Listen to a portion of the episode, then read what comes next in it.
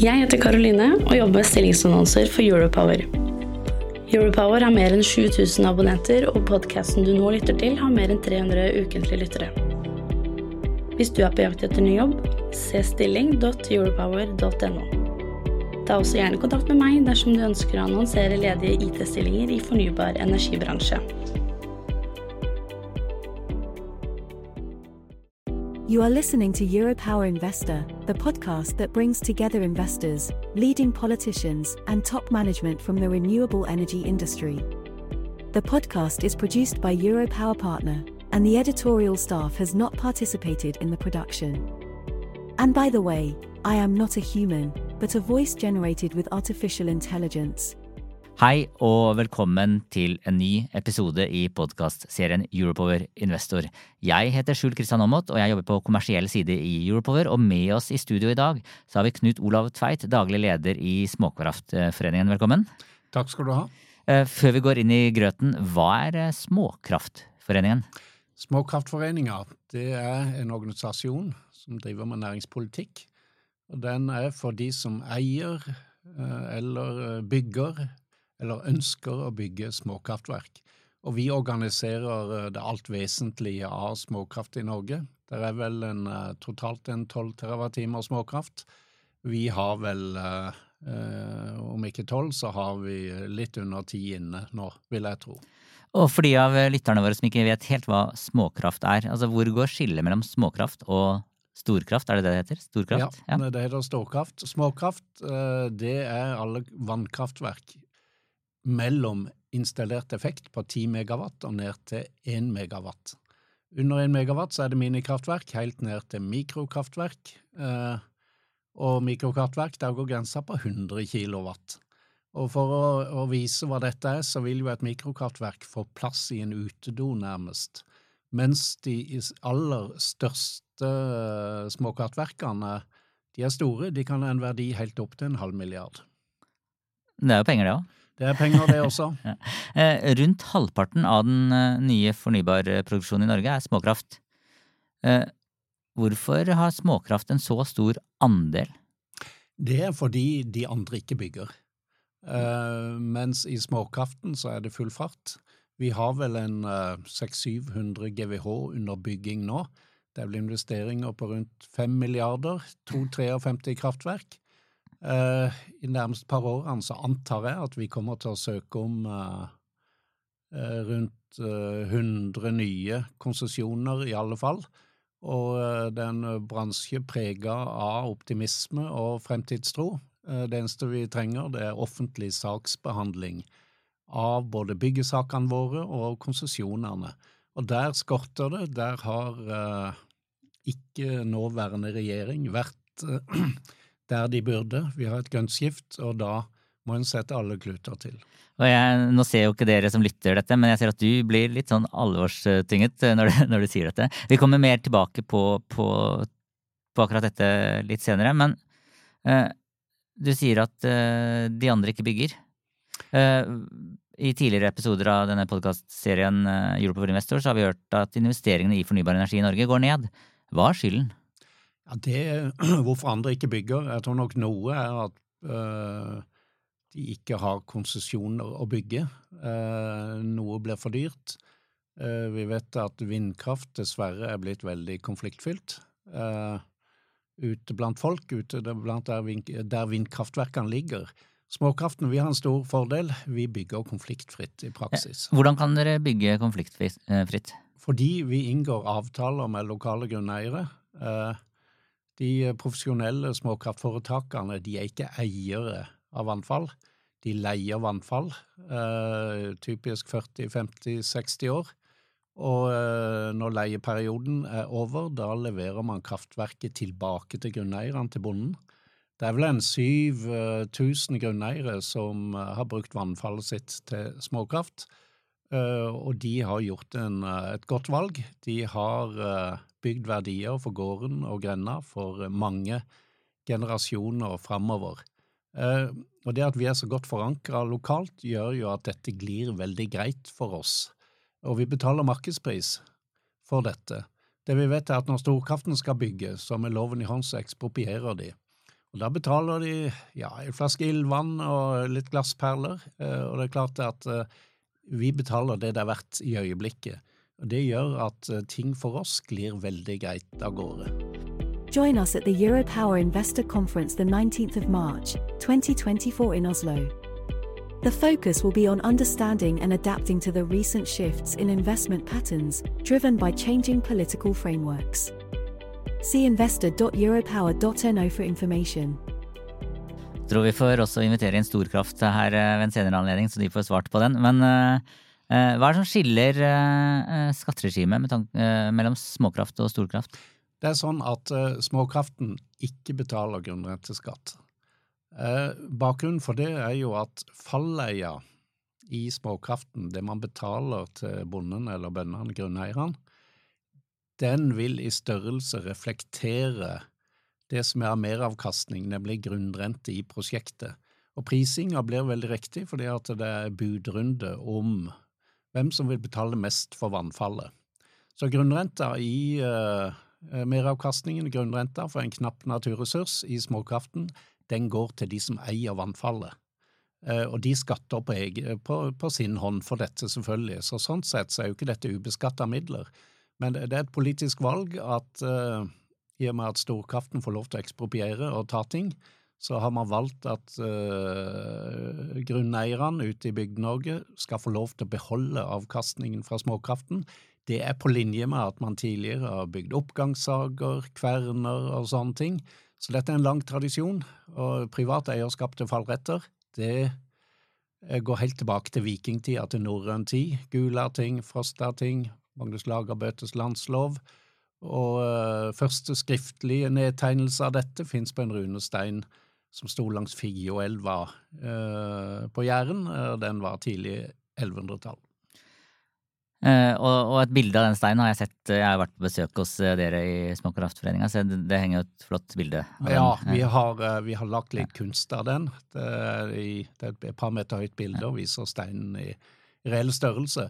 Og det er jo fordi at for bransjen så er nettopp dette med det private eierskapet til fallretter, det er grunnen til at vi kan uh, operere. Og uh, det gjør også at eh, det skaper en god dynamikk mellom internasjonal langsiktig fondskapital med lave avkastningskrav.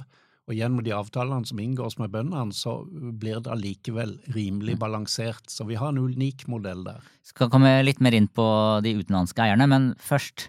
eh, eh, Du prater om eh, tradisjoner tilbake til vikingtida. Der vi er nå, så får regjeringen kritikk for å skape uforutsigbarhet og for å skremme bort fornybarinvestorene. Er du bekymra på vegne av småkrafta på at rammebetingelsene kommer til å endres fremover? Ja, det er klart, etter det vi har sett nå de siste årene med denne regjeringa, så er det klart at ingen kan føle seg helt trygg. Eh, ting kommer plutselig, og, eh, og ofte er innretningen eh, skjedd fort og galt. Vi hadde jo høyprisbidraget, eh, som vi i Småkraften i og for seg støtta. Vi tenker det var greit å dra inn en del av dette.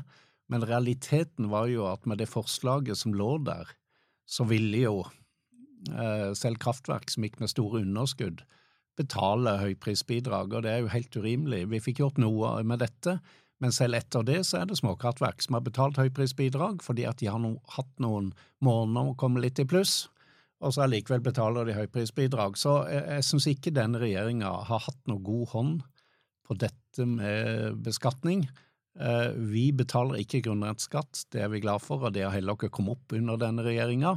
Men, eh, men det er klart det blir det mer uro generelt rundt rammevilkår for langsiktige fornybarinvesteringer i Norge, så risikerer man at ting stopper opp. Det er veldig farlig. Forstår regjeringen eh, hva de holder på med? Det er vanskelig å si. Eh, De, de gjør det i alle fall. Eh, Og eh, jeg tror ikke de ser dybden i eh, hvordan langsiktige investorer som investerer for eh, 30, 40, 50, 60 år, tenker. Eh, Og plutselig stopper det. Plutselig blir det forutsigbart. Og det, det er ingen tjent med. Stabilitet, eh, forutsigbarhet, det er det man trenger for å få fart på det grønne skiftet i Norge. Eh, Så nevnte du utenlandske eiere, eller vi, vi snakket kort om det. Hvem er det som eier småkrafta? Altså, Én ting er hvem som eier eh, grunnen, men hvem eier kraft? Altså, hvem eier maskinene og altså, disse 60 åra de får lov å holde på? Det er, turbinene. Uh, turbinene og rørgater og alt sånt. Det er klart altså Naturressursen vannfallet den er norsk hele tida. Og vannfallene er faktisk regulert av landbrukslovgivningen, så der er det strenge regler under lokalkontroll i kommunene. Så har man sett at uh, fra at mange grunneiere bygde selv, så har internasjonal kapital kommet inn. Eh, vi hadde en periode hvor også Norsk Storkraft bygde småkraft etter avtaler med grunneiere. Det var Statkraft, Agder, Akershus, Oslos Eko, flere. Men da de oppdaga at avkastningen i småkraft er ganske lav, så solgte de. Da ville de ikke mer. Så Derfor er vi avhengig av mer langsiktig, mindre grådig eh, internasjonal kapital. Småkraft AS de har vel et par eh, terawattimer under leiekontrakt. Den største eieren der det er KLP i Nederland. Eh, og det er et eksempel. Ellers er det andre langsiktige fond. Eh, og min erfaring er at disse langsiktige utenlandske fondene de oppfører seg bra, og de har respekt for grunneieren. Så det du sier er at eh, en stor andel av de som eier eh, småkrafta, det er utenlandske investeringsmiljøer? Ja, de leier. De leier? De er langsiktige Men hvorfor, hvorfor kan de ha lavere krav til avkastning enn det Statkraft og andre, ja, de vi kjenner her i Norge? De bruker en annen kalkulator. Eh, De har vel lavere forventning til avkastning, ikke minst på kort sikt. Men hvis man som norsk storkraft, med Statkraft i spissen, da de gikk inn i småkraft, så var de veldig kortsiktige. De skulle ha avkastning fort, og det får du ikke i småkraften. Du må være langsiktig og tålmodig. Så, eh, så det vi ser, er jo at disse fondene er en perfekt match. Og det som er interessant, er jo at de matcher godt med måten eh, bønder og grunneiere tenker. For de eh, tenker jo sånn, planter vi en skog, så hogger vi om 40-50 år, eller hva det nå er.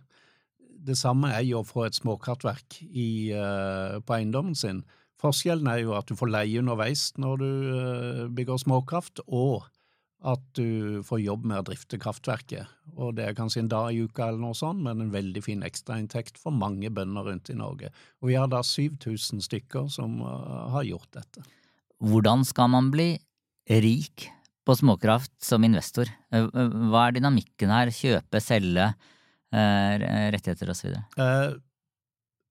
Der hvor det er, hvis du tenker på å bli rik i løpet av noen år, Ja, raske penger. raske penger eh, hvis Og mye sier- penger. Ja, og raske mye Mange raske Ja. penger. La oss si at du har en fire-fem års perspektiv, da. Ja. Eh, Kaller det raske penger. Så vil du snu deg mot uh, grunneiere og inngå uh, konkurrere om grunneieravtaler. Uh, så vil du skaffe uh, kapital til å bygge de kraftverkene, ta byggerisikoen. Og så vil du eh, finne en langsiktig eier som eh, betaler mer enn du har lagt inn, og så får du en gevinst for å ha tatt den risikoen. Og så vil kraftverket da ligge med stabilt, langsiktig eierskap. Det er en måte å tjene penger på i, småkraft i dag. Så, det, så hvis du kan faget, så handler det om å overbevise grunneier? Det handler om å overbevise grunneier, og det gjør du gjennom å ha gode, eh, rettferdige avtaler. Det har alle de seriøse aktørene. Og så må du strekke deg, fordi at det er konkurranse om hver eneste grunneieravtale. Eh, Og det gjør at, eh, bortsett fra at vi vet jo ikke hva som skjer i alle enkelttilfeller, men i, i stort fungerer dette utrolig godt. Og eh, vi mener, vi i Småkraften mener jo at den norske vindkraften ikke gjorde hjemmeleksa si da de, den første bølga av vindkraft ble bygd, og det var dømt til å skjære seg.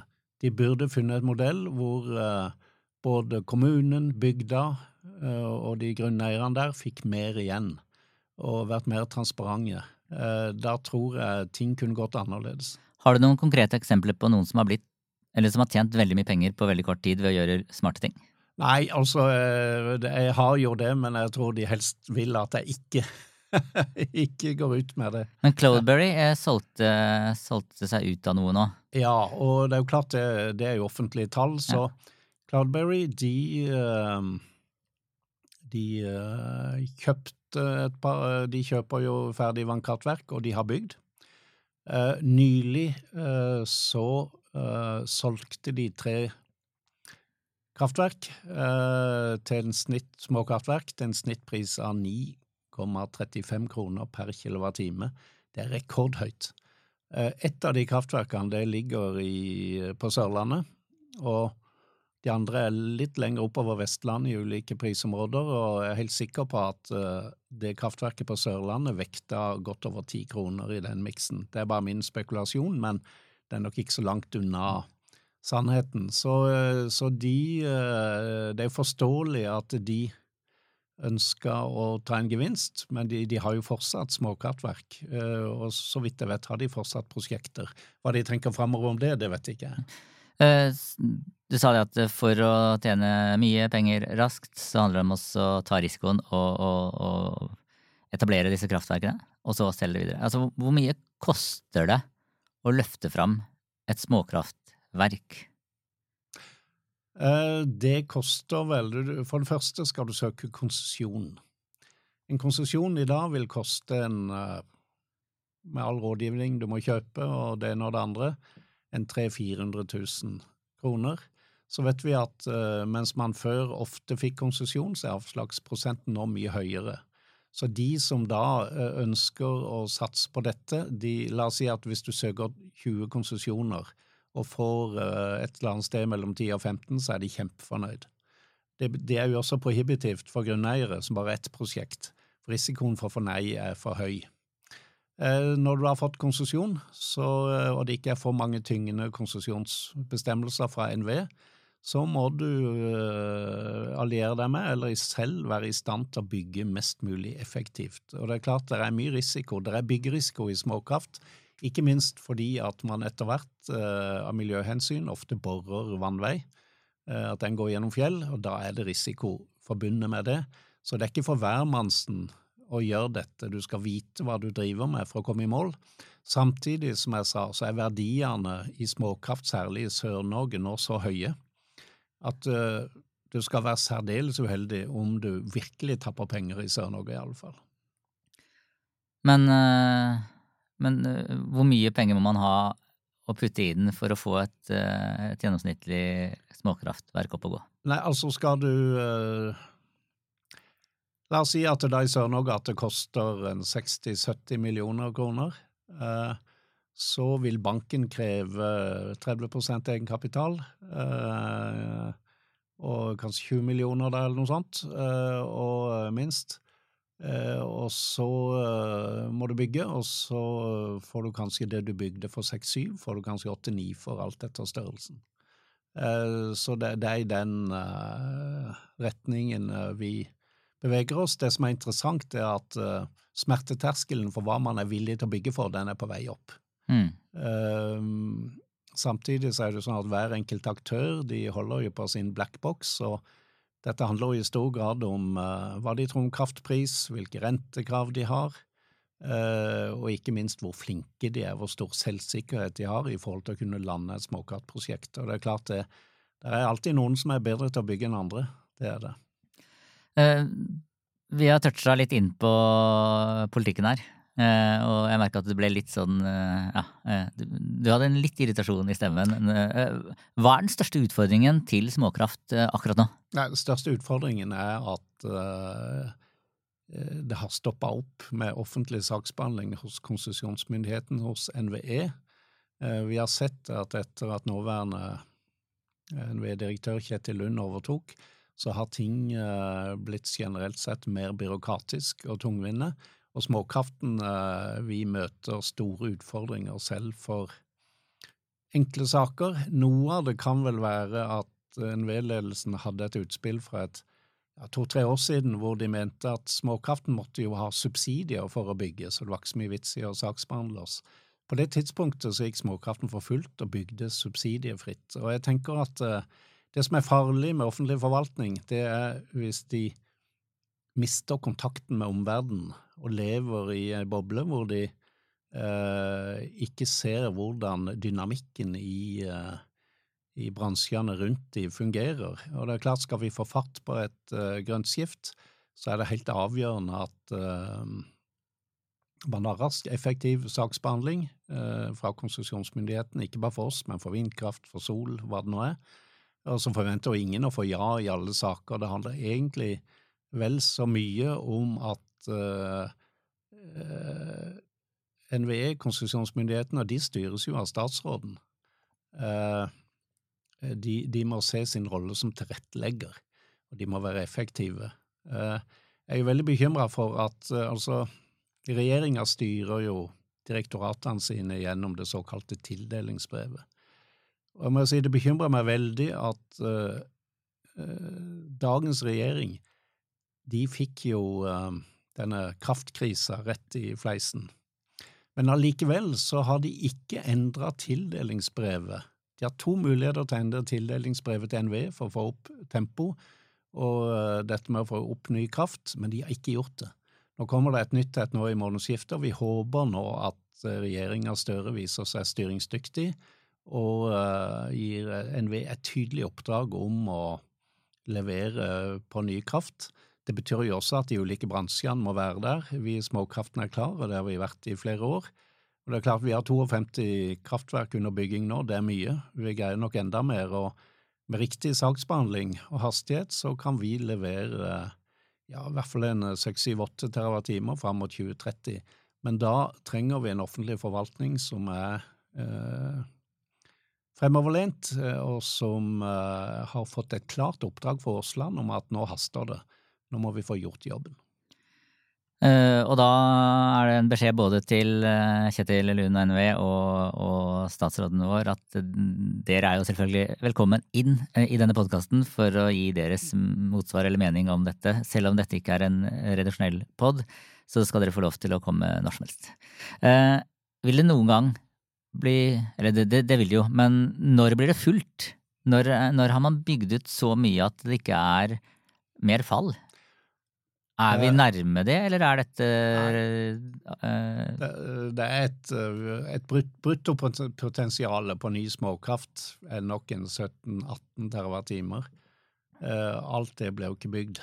Uh, og det en skal òg vite det er det at med nye måter å gjøre det på, høyere grenser for hva man tåler av kostnader, så vil eh, prosjekter som var helt utenkelige for noen år siden, bli aktuelle.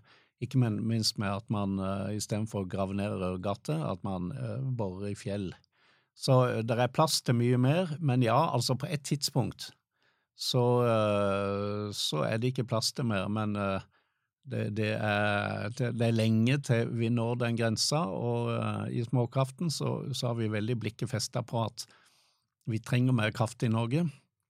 Vi vet at det er ganske kritisk i årene fram til 2030 og like etterpå.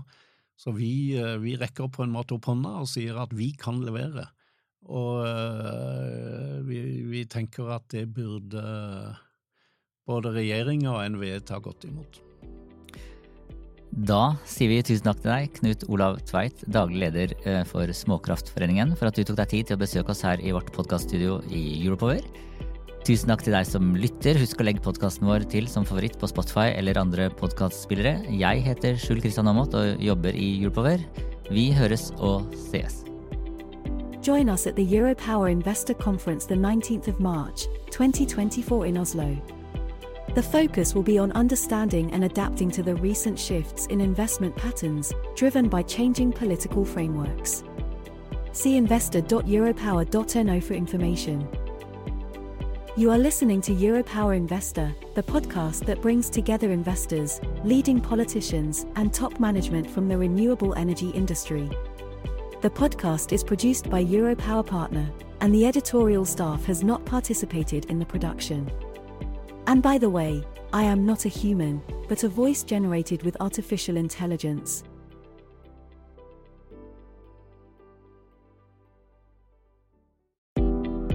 Jeg heter Karoline og jobber med stillingsannonser for Europower.